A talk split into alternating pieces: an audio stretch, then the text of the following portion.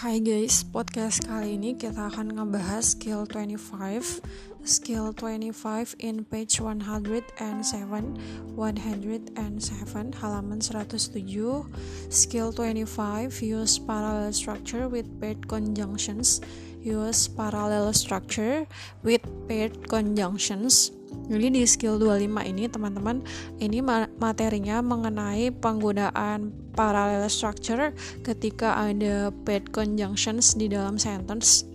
Nah, paired conjunctions itu apa? Jadi karena kita fokus pada paired conjunctions dan parallel structure-nya. Nah, paired conjunctions adalah kata hubung yang berpasangan.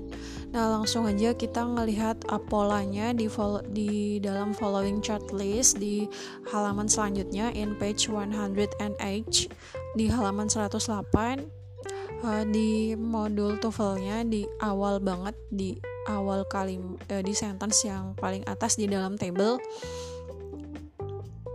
di tabelnya parallel structure with paired conjunctions.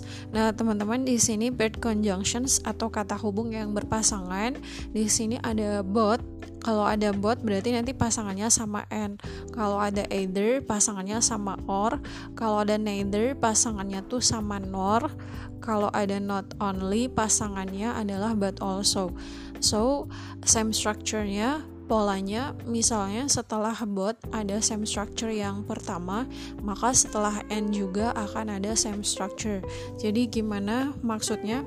Jadi di sini kan ada same structure setelah bot dan same structure setelah n. Makanya dua same structure ini dua same structure ini pola yang sama ini dinamakan parallel structure.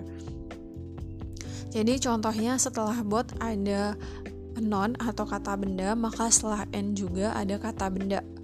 Nah, misalnya setelah bot ada subject verb, maka setelah n juga ada subject plus verb.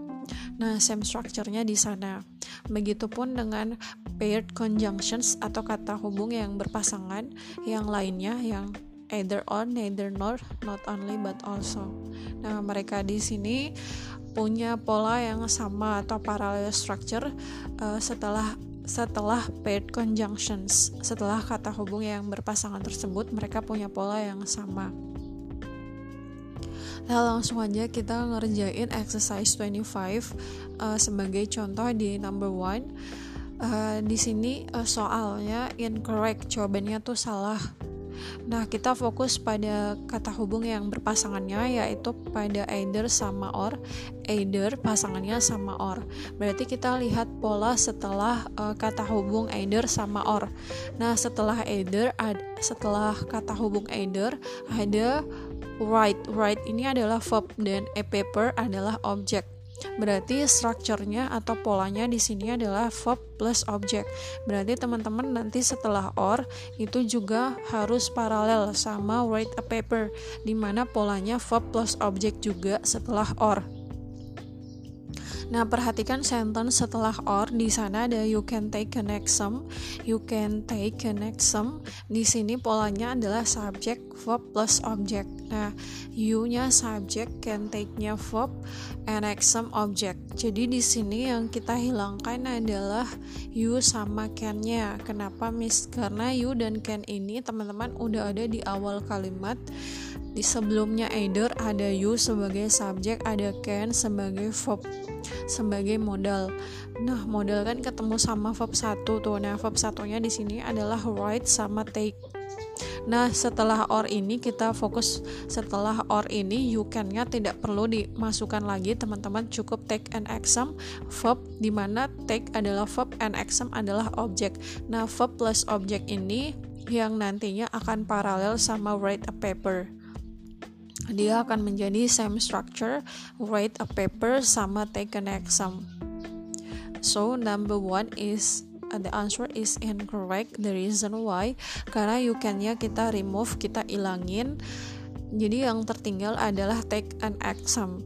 Karena take adalah verb and exam adalah objek nanti same structure atau memiliki pola yang sama sama write a paper write adalah verb dan a paper adalah objeknya Nah, next number the answer is correct. Jawabannya benar di nomor 2. Kita fokus pada paired conjunctions-nya.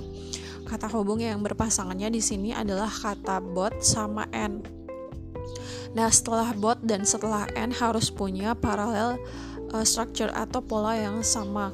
Nah, setelah bot teman-teman di sini ada notice. Notice ini verb 3 Kenapa bisa verb 3? Karena sentence sebelum bot di mana ada it sebagai subjek, would be-nya sebagai verb.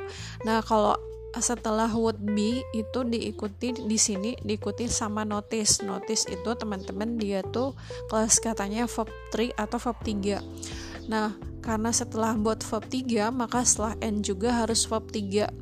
Nah, setelah n, setelah uh, kata hubung n ada appreciated di sini juga menggunakan verb 3 atau verb 3 so di sini dia parallel structure untuk verb 3 parallel structure untuk verb 3 nah karena dia parallel structure untuk verb 3 so uh, the answer is correct. Jawabannya benar. Nomor 2 jawabannya benar karena udah parallel structure setelah kata hubung yang berpasangan.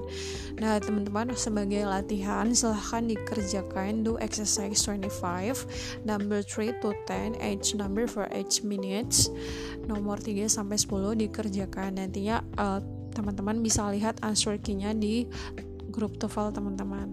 Thank you.